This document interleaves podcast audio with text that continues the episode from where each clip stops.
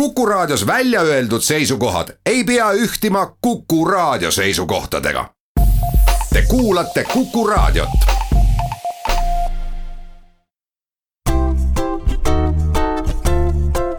patsiendiminutid, Patsiendiminutid toob teieni Eesti Patsientide Liit. tere, hea Kuku kuulaja, mina olen Kadri Tammepuu ja Patsiendiminutid alustavad tahame me või ei taha, aga suvi hakkab tasapisi taanduma ja lapsed kooliks valmistuma sestap oli täna paslik kutsuda saatesse üks õpetaja, selleks et rääkida lastest ja loodusest. niisiis on meil täna külas Rocca al Mare kooli bioloogiaõpetaja ja loodusretkede juht Silja Pihelgas, tere Silja! tere! no miks loodus? Õigupoolest äh, oli seal kaks põhjust, miks me täna sellest räägime. esiteks äh, hakkavad ju iga sügise hakul nii psühholoogid, psühhiaatrid kui kõik pedagoogid rääkima kooli stressist ja sellega seoses siis ka vaimse tervise probleemidest. ja teiseks äh, lähenesid mulle Arvamusfestivalil kaks tarmukat noort Eesti Looduse Fondist, kes tahtsid minuga rääkida loodusest ja võimalikuks püsiannetajaks hakkamisest koolistressi juurde tagasi tulles, ähm, siis uutes äh, olukordades hakkama saamine tuleb ikka paremini välja, kui vaimne vorm on hea kui me mõtleme füüsilisele vormile, siis enamasti igaüks teab, kuidas oma füüsilist vormi hoida ja oskavad ka selle jaoks aega võtta.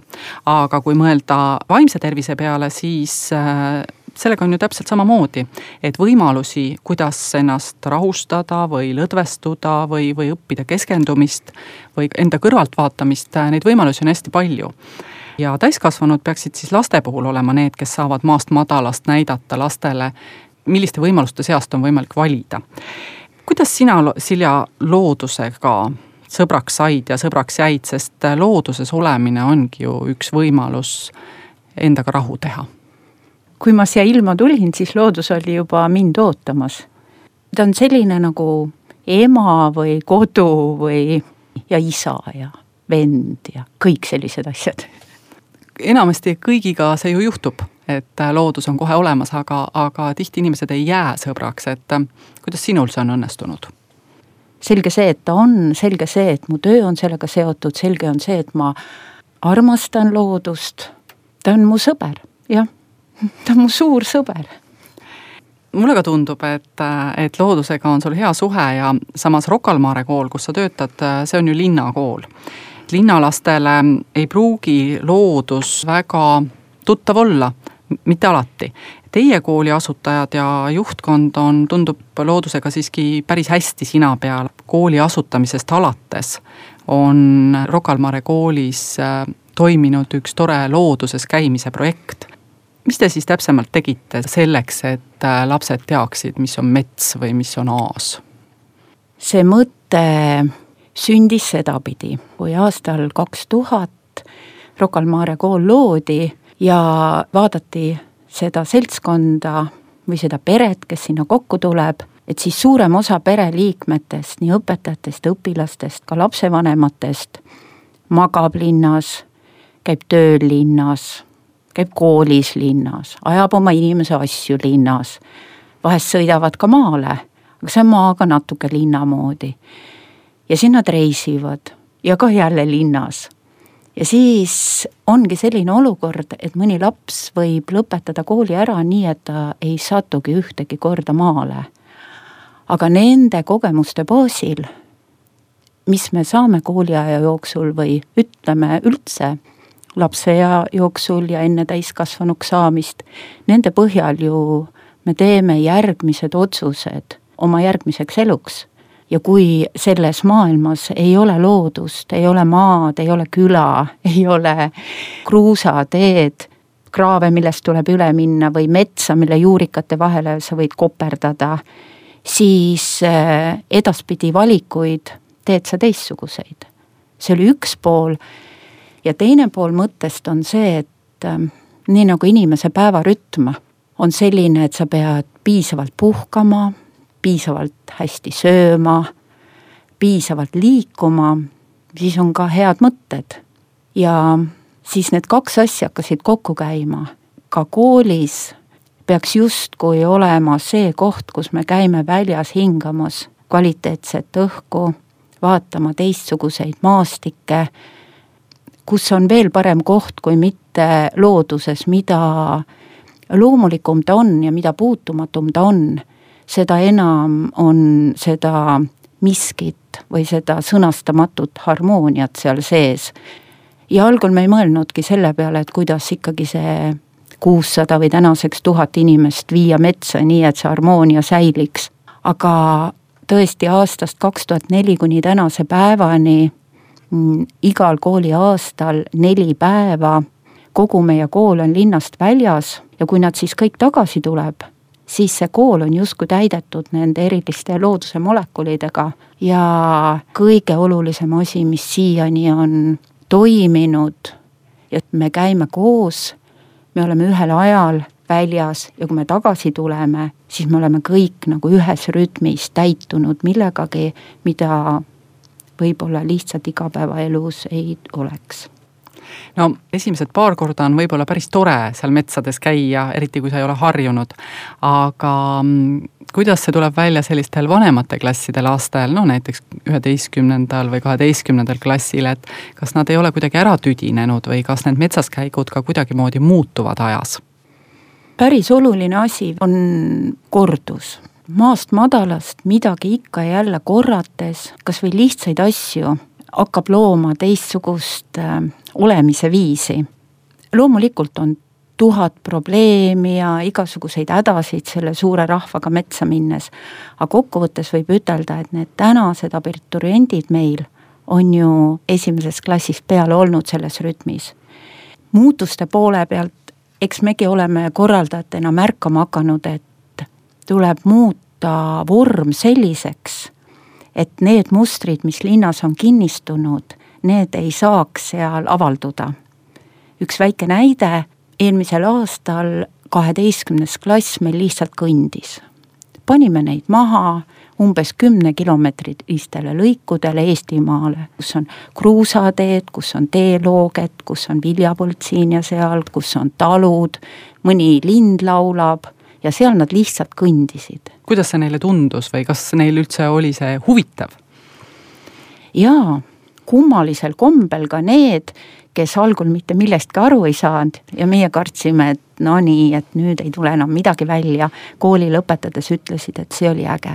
mis neile seal meeldis selles äh, kõndimises äh, võib-olla tavapärasest äh, igapäevasest keskkonnast eemal?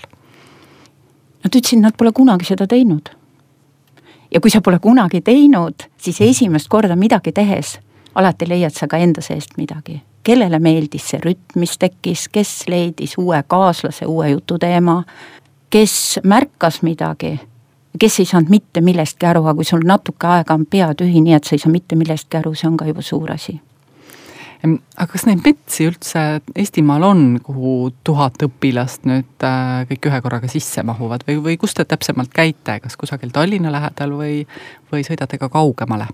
iga klass läheb eri paika, need paigad äh, korduvad, nii et iga järgmine klass läheb sinna, kus eelmine aasta eelmine klass on olnud. Õnneks on Eestimaal veel kohti, mis on päris kohad. ja kui linnarahva meelest on koht, kuhu minna, ilus mereäär, korralike radadega mets, siis tegelikult need päris kohad, mis kõnetavad, võivad olla hoopis teistsugused.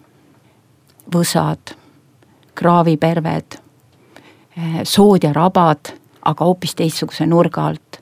võib olla ka üks tore talu, kus päriselt kasvatatakse köögivilja ja on päriselt loomad, kus saab päriselt niita ja rohida no väga hea, aga läheme meie korraks väikesele pausile. jääge teie meiega, sest me oleme peatselt tagasi. patsiendiminutid. patsiendiminutid toob teieni Eesti Patsientide Liit.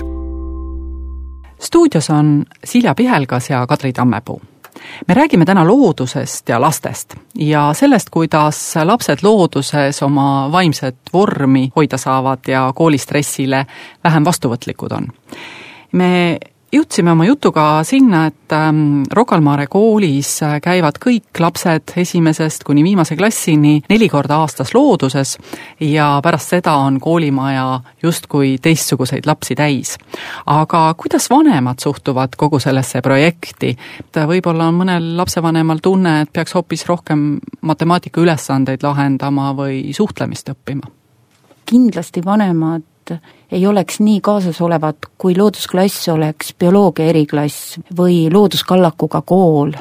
aga kuna me oleme sõnastanud nii, et see on tavaline õppimise protsess, ainult keskkond on vahetunud, pigem praktika baas või see koht, kus sa saad koolis õpitule kogemusliku vormi ja tunnetuse, nad on väga kaasas teine pool on hirmud, mis kaasnevad sellega, mida sa hästi ei tunne. tohoh, kas see on needsamad äh, puugid või mingid ohtlikud loomad, näiteks rästikud, kes võivad salvata või veel midagi muud? jaa, või siis äh, põõsa taga pissimine või looduses söömine, kus sa käsi pesed, ehk tegelikult hirm on ju see kokkupuude olukorraga, kui sa midagi ei tunne ja kui loodust on vähem, siis neid hirme järjest tuleb juurde. ja kuidas te neid hirme siis menetlete, kas te võtate mõne vanema kaasa, kes on eriti kartlik, või äh, lihtsalt lapsed tulevad koju, on täitsa terved ja rõõsad ja räägivad vanematele, et tegelikult oli väga tore? see retk peaks võimaldama lapsele päriselt kokkusaamist loodusega ja just sealt maalt, kus, kus tema seda vajalikuks või tuttavaks peab sa ei tohi jõuga suruda teda metsa ja vastupidi, nendele lastele, kes ammu on juba kõik selge, sa ei tohi nende uurimishindu ka pidurdada. et eks see olegi üks selline paras trikk. no looduses käivad ju lisaks koolilastele ka teised Eestimaa inimesed, kus need põhilised kohad siis on, kus äh, eestimaalased käia tahavad, sa teed ju ka loodusretkesid kõigepealt meil on loodust palju, loodusradasi on palju, looduses käijaid on palju ja nii mul kogu aeg kordub see sõna palju ja palju ja palju. ja ühel hetkel on midagi väga palju, mille tulemusena on loodust väga vähe. ma räägin ühe selle suve ehmatuse. Norra allikate juures on väga ilus rada ja et neid Norra allikaid, selliseid metsikuid põlisallikaid Järvamaa piiril näha, selleks on sinna rajatud laudteede võrgustik. see on selline koht, kus ikka ja jälle tasakesi nii laste kui sõpradega oli tahtmist käia. Läksime ka sellel suvel ja kui me jõudsime raja peale, siis oli tehtud uus laudtee ja laudtee peal oli metallvõre. astudes võre peale, kolises see nii, et selles vaikses looduses kõik loomad ehmatasid ja ütleks, et olid kabuhirmus. meie ainus eesmärk oli võimalikult vaikselt astuda, aga see ei olnud võimalik. nüüd ma kuulen, et Eestimaa on kaetud nende võrkudega kõik laudteed. midagi on läinud järsku päris valesti, ehk miks me seda teeme, kui ühe rajatise tulemusena enam loodust ei saa kuulata ja ja katsuda ju ka loodust ei saa, kui sa oled kusagil kõrgel laudtee peal, mille peal on veel raudrist. aga miks neid riste siis üldse paigaldatakse laudteede peale? uurisin ka ja vist selleks, et inimesed ei kukuks.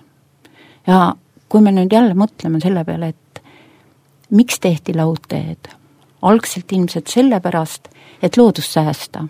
et iga inimene näeks ka seda orhideed või raba ja et me seal ei talluks aga samal ajal kohale jõuaks. laudradasid tuli järjest rohkem, aga ühel hetkel läksid laudrajad laiemaks ja peale tulid restid. eks see on ka mõistetav, sellepärast et see on turismi jaoks vajalik. aga turismiteed ei sobi enam õppekäikudeks, sest laps seal ei puutu enam loodusega kokku. väga palju on häid loodusfilme, mille kaudu ta silmadega vaadates saab väga head looduspildid aga turismiteedel saab ka ainult looduspilte vaadelda no mul ka meenub äh, oma õpingute ajast, et kui me õppisime botaanikat, siis äh, olid meil sellised paksud äh, mitmesajaleheküljelised raamatud koos piltidega, äh, kus me siis taimed pidime selgeks saama nii eesti kui ladina keeles. ikkagi lõpuks otsustas selle aine populaarsuse see nädal, mis me veetsime tipul Soomaa rahvuspargis ja kus me saime päriselt neid taimi katsuda, neid korjata, herbaariume teha. kui laps ei saa enam taimega ega loodusega kontakti, siis see jääb kõik seina taha. jaa, et me võime ükskõik mis eesmärgi võtta selleks, eh, miks me linnast välja sõidame, loodusesse läheme. aga sinna jõudes peaks hakkama juhatama ja õpetama loodus mitte see inimene, kes on retkejuht, mitte õpetaja ega mitte ka projektile kirjutatud teema, millele sa oled rahastuse saanud vaid see, milline on ilm, see, kes parajasti laulab, see, kes parajasti õitseb, sellepärast et ükskõik, kuidas sa sõnastad, kõik see on ju reaalselt olemas kõik koolid selliseid loodusklasse ei korralda ja lapsed kõik looduses ei käi, aga elavad ju järjest rohkem linnades. Mida need lapsed peaksid tegema, kus nemad loodusega kokku võiksid puutuda? vanematel on väga suur roll ja mul on üks selline unistus olnud, teha jalutuskäike lapsi ootavate emadega. et see on just selline paras aeg, kuhu silmakodanik hakkab äh, perre tulema ja emal nii või teisiti on vaja natuke jalutada. ka linnas on ju kodu lähedal natukenegi loodust, kas see esimene park või esimene kummaline puu või mingi selline rada, mida te hakkate hiljem vankriga jalutades mööda sealt käima. ja nagu ma ütlesin, et kordused on väga tähtsad, kui sünnib see laps, siis sa tegelikult hakkad märkama neid pisikesi asju üha uuesti ja uuesti ja see jääb lapsele meelde. Kaugele ei ole vaja üldse minna, võib-olla see on sügisel kastanimunad, võib-olla pilved rõdult, see on meri, kus paistab, need on väikesed kruusakivitükikesed kas või, aga tuleb tekkida kontakt. Sest kui täna öeldakse, et me peame loodust kaitsma, siis samal ajal on kuidagi hirm selle kõige eest. Ja kuidas sa kaitsed midagi sellist, mida sa kardad. aga kardad seda, mida ei tunne. Järelikult kõigepealt peaks kuidagi tuttavaks saama, siis tekib suhe, siis tekib hoolimine, siis hakkad ka teda hoidma ja armastama. muidu on kõik kunstlik. no mis sa siis meie kuulajale teha soovitad? ma soovitan silmad lahti teha, ükskõik kus te praegult olete. vaadata välja, kuulata, kui on võimalik, katsuda, kui on võimalik, nuusutada, kui on võimalik, maitsta, kui on võimalik ja kogeda ka mingit taju, mis jääb kõik selle viie meelega kogetu väliseks, mis loodus alati kaasa annab. väga hea aga kahjuks tänaseks on sellega meie saade läbi ja suur aitäh, Silja, et sa täna tulid ja täname ka kõiki kuulajaid. stuudios olid Rocca al Mare bioloogiaõpetaja ja loodusretkede juht Silja Pihelgas ja saatejuht Kadri Tammepuu. patsiendiminutid on taas eetris nädala pärast ja seniks olgem terved! patsiendiminutid. patsiendiminutid toob teieni Eesti Patsientide Liit